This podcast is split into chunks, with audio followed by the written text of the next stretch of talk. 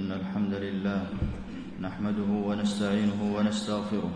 ونعوذ بالله من شرور أنفسنا ومن سيئات أعمالنا من يهده الله فلا مضل له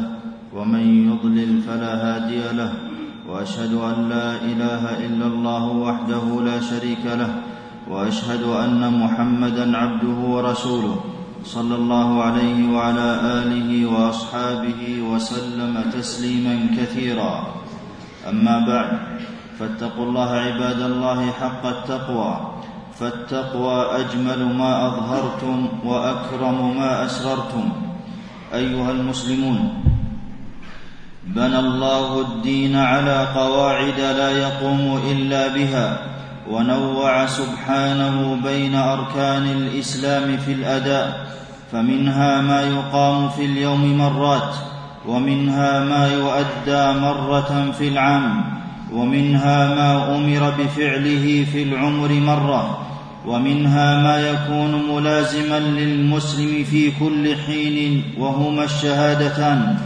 وهذه الاسس تشمل عباده القلب واللسان والمال والجوارح ليكون المرء كله لله ممتثلا امره في قوله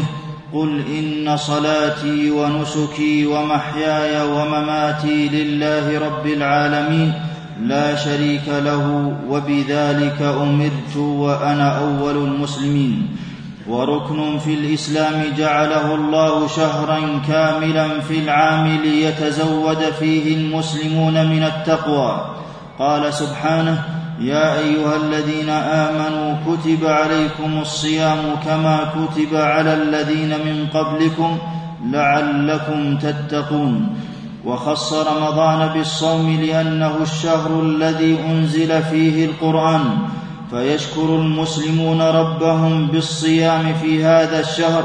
لانه الشهر الذي حلت فيه السعاده للبشر بنزول القران وبعثه النبي صلى الله عليه وسلم فيه قال عز وجل شهر رمضان الذي انزل فيه القران قال ابن كثير رحمه الله يمدح تعالى شهر الصيام من بين سائر الشهور بان اختاره من بينهن لانزال القران العظيم ورفع الله قدر هذا الشهر فابواب الجنه تفتح فيه وتغلق فيه ابواب النار وتصفد فيه الشياطين ليمتنعوا من اذى المؤمنين واغوائهم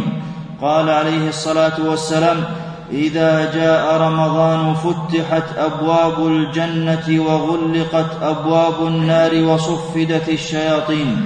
رواه مسلم قال ابن العربي رحمه الله وانما تفتح ابواب الجنه ليعظم الرجاء ويكثر العمل وتتعلق به الهمم ويتشوق اليها الصابر وتغلق ابواب النار لتخزى الشياطين وتقل المعاصي واساس التقوى اخلاص الاعمال لله وحده والصائم يدع شهوته وطعامه وشرابه من اجل معبوده وهو سر بين العبد وربه لا يطلع على صومه سوى الله وتلك حقيقه الاخلاص والمراقبه لله في رمضان عبادات تكفر الخطايا فصيامه يغفر الزلات والاوزار قال عليه الصلاه والسلام رغم انف رجل دخل عليه رمضان ثم انسلخ قبل ان يغفر له رواه الترمذي ومن حافظ على صيامه كان وقايه له من النار قال عليه الصلاه والسلام الصيام جنه متفق عليه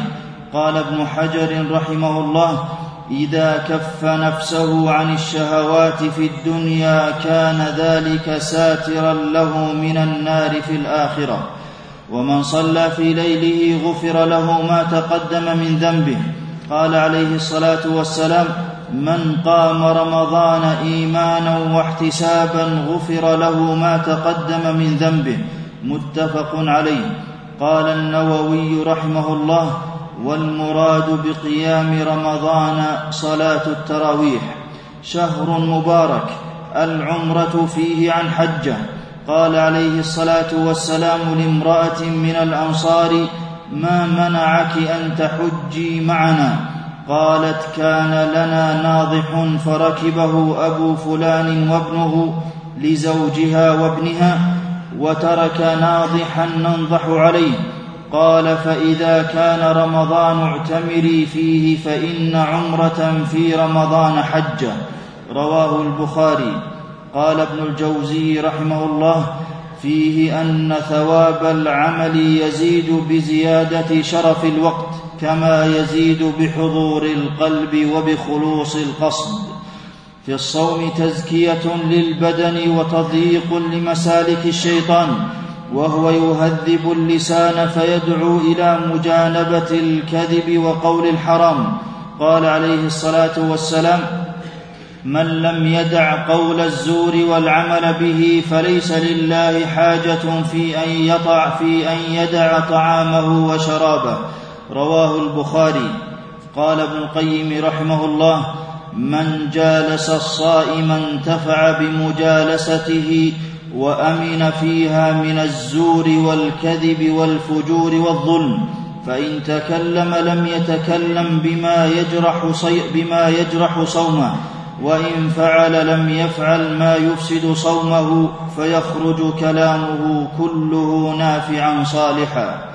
ورمضان شهر الكرم والبذل للفقراء فاذا صام الغني تذكر من لا قوت له فيدعوه ذلك الى العطاء والسخاء سئل بعض السلف لم شرع الصيام قال ليذوق الغني طعم الجوع فلا ينسى الجائع رمضان نهاره عباده رمضان نهاره عباده بالصوم والدعاء ونفع المسلمين وفي ليله دعاء واستغفار وتلاوه القران العظيم في ليله كانت مدارسه جبريل عليه السلام للنبي صلى الله عليه وسلم القران قال ابن عباس رضي الله عنهما كان يلقاه في كل ليله من رمضان فيدارسه القران رواه البخاري الصيام جنه من امراض الروح والقلب والبدن قال ابن القيم رحمه الله منافعه تفوت الاحصاء وله تاثير عجيب في حفظ الصحه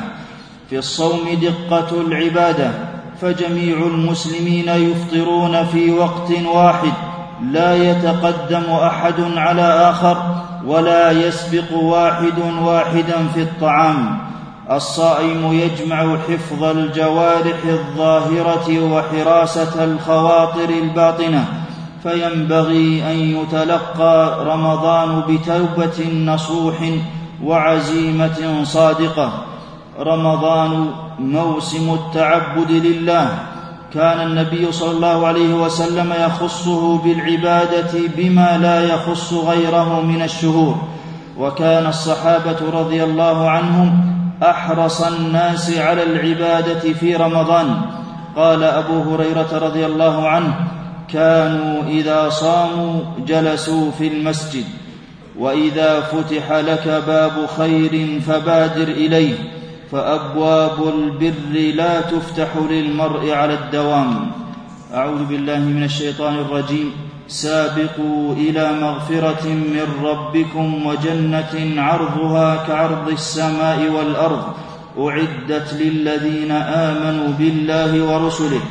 ذلك فضل الله يؤتيه من يشاء والله ذو الفضل العظيم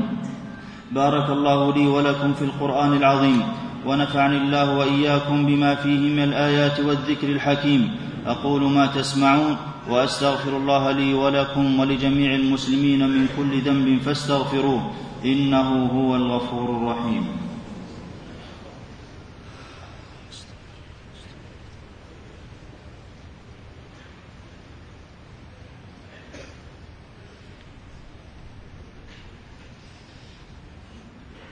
الحمد لله على احسانه والشكر له على توفيقه وامتنانه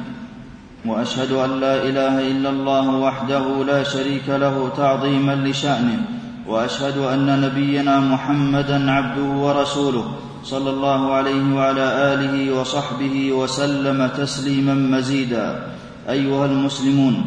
الحكمه من تشريع الصيام التقوى ومن التقوى الامساك عن الاقوال المحرمه كما يمسك عن الطعام والشراب قال جابر رضي الله عنه اذا صمت فليصم سمعك وبصرك ولسانك عن الكذب والماثم وليكن عليك وقار وسكينه يوم صومك ولا تجعل يوم صومك ويوم فطرك سواء وقال ابو ذر رضي الله عنه اذا صمت فتحفظ ما استطعت واذا صمت عن الطعام والشراب والاقوال الاثمه فلا يكن للشيطان عليك سبيلا بالنظر بالنظر والسمع المحرم واجعل الجوارح كلها صائمه لله ثم اعلموا ان الله امركم بالصلاه والسلام على نبيه فقال في محكم التنزيل يا ايها الذين امنوا صلوا عليه وسلموا تسليما اللهم صل وسلم على نبينا محمد وارض اللهم عن خلفائه الراشدين الذين قضوا بالحق وبه كانوا يعدلون ابي بكر وعمر وعثمان وعلي وعن سائر الصحابه اجمعين وعنا معهم بجودك وكرمك يا اكرم الاكرمين اللهم اعز الاسلام والمسلمين واذل الشرك والمشركين ودمر اعداء الدين واجعل اللهم هذا البلد امنا مطمئنا وسائر بلاد المسلمين اللهم انا نسالك الاخلاص في القول والعمل اللهم تقبل منا صيامنا وقيامنا اللهم ادخلنا الجنه بغير حساب ولا عذاب اللهم حرم بشرتنا ولحومنا عن النار اللهم اصلح احوال المسلمين في كل مكان اللهم انصر المستضعفين من المؤمنين في كل مكان اللهم كن لهم وليا ونصيرا ومعينا وظهيرا اللهم قو عزائمهم وسدد رميهم واحقن دماءهم واحفظ جوا واحفظ اعراضهم واموالهم اللهم وادر دوائر السوء على عدوك وعدوهم اللهم اجعل اللهم انا نجعلك في نحورهم وندرا بك من شرورهم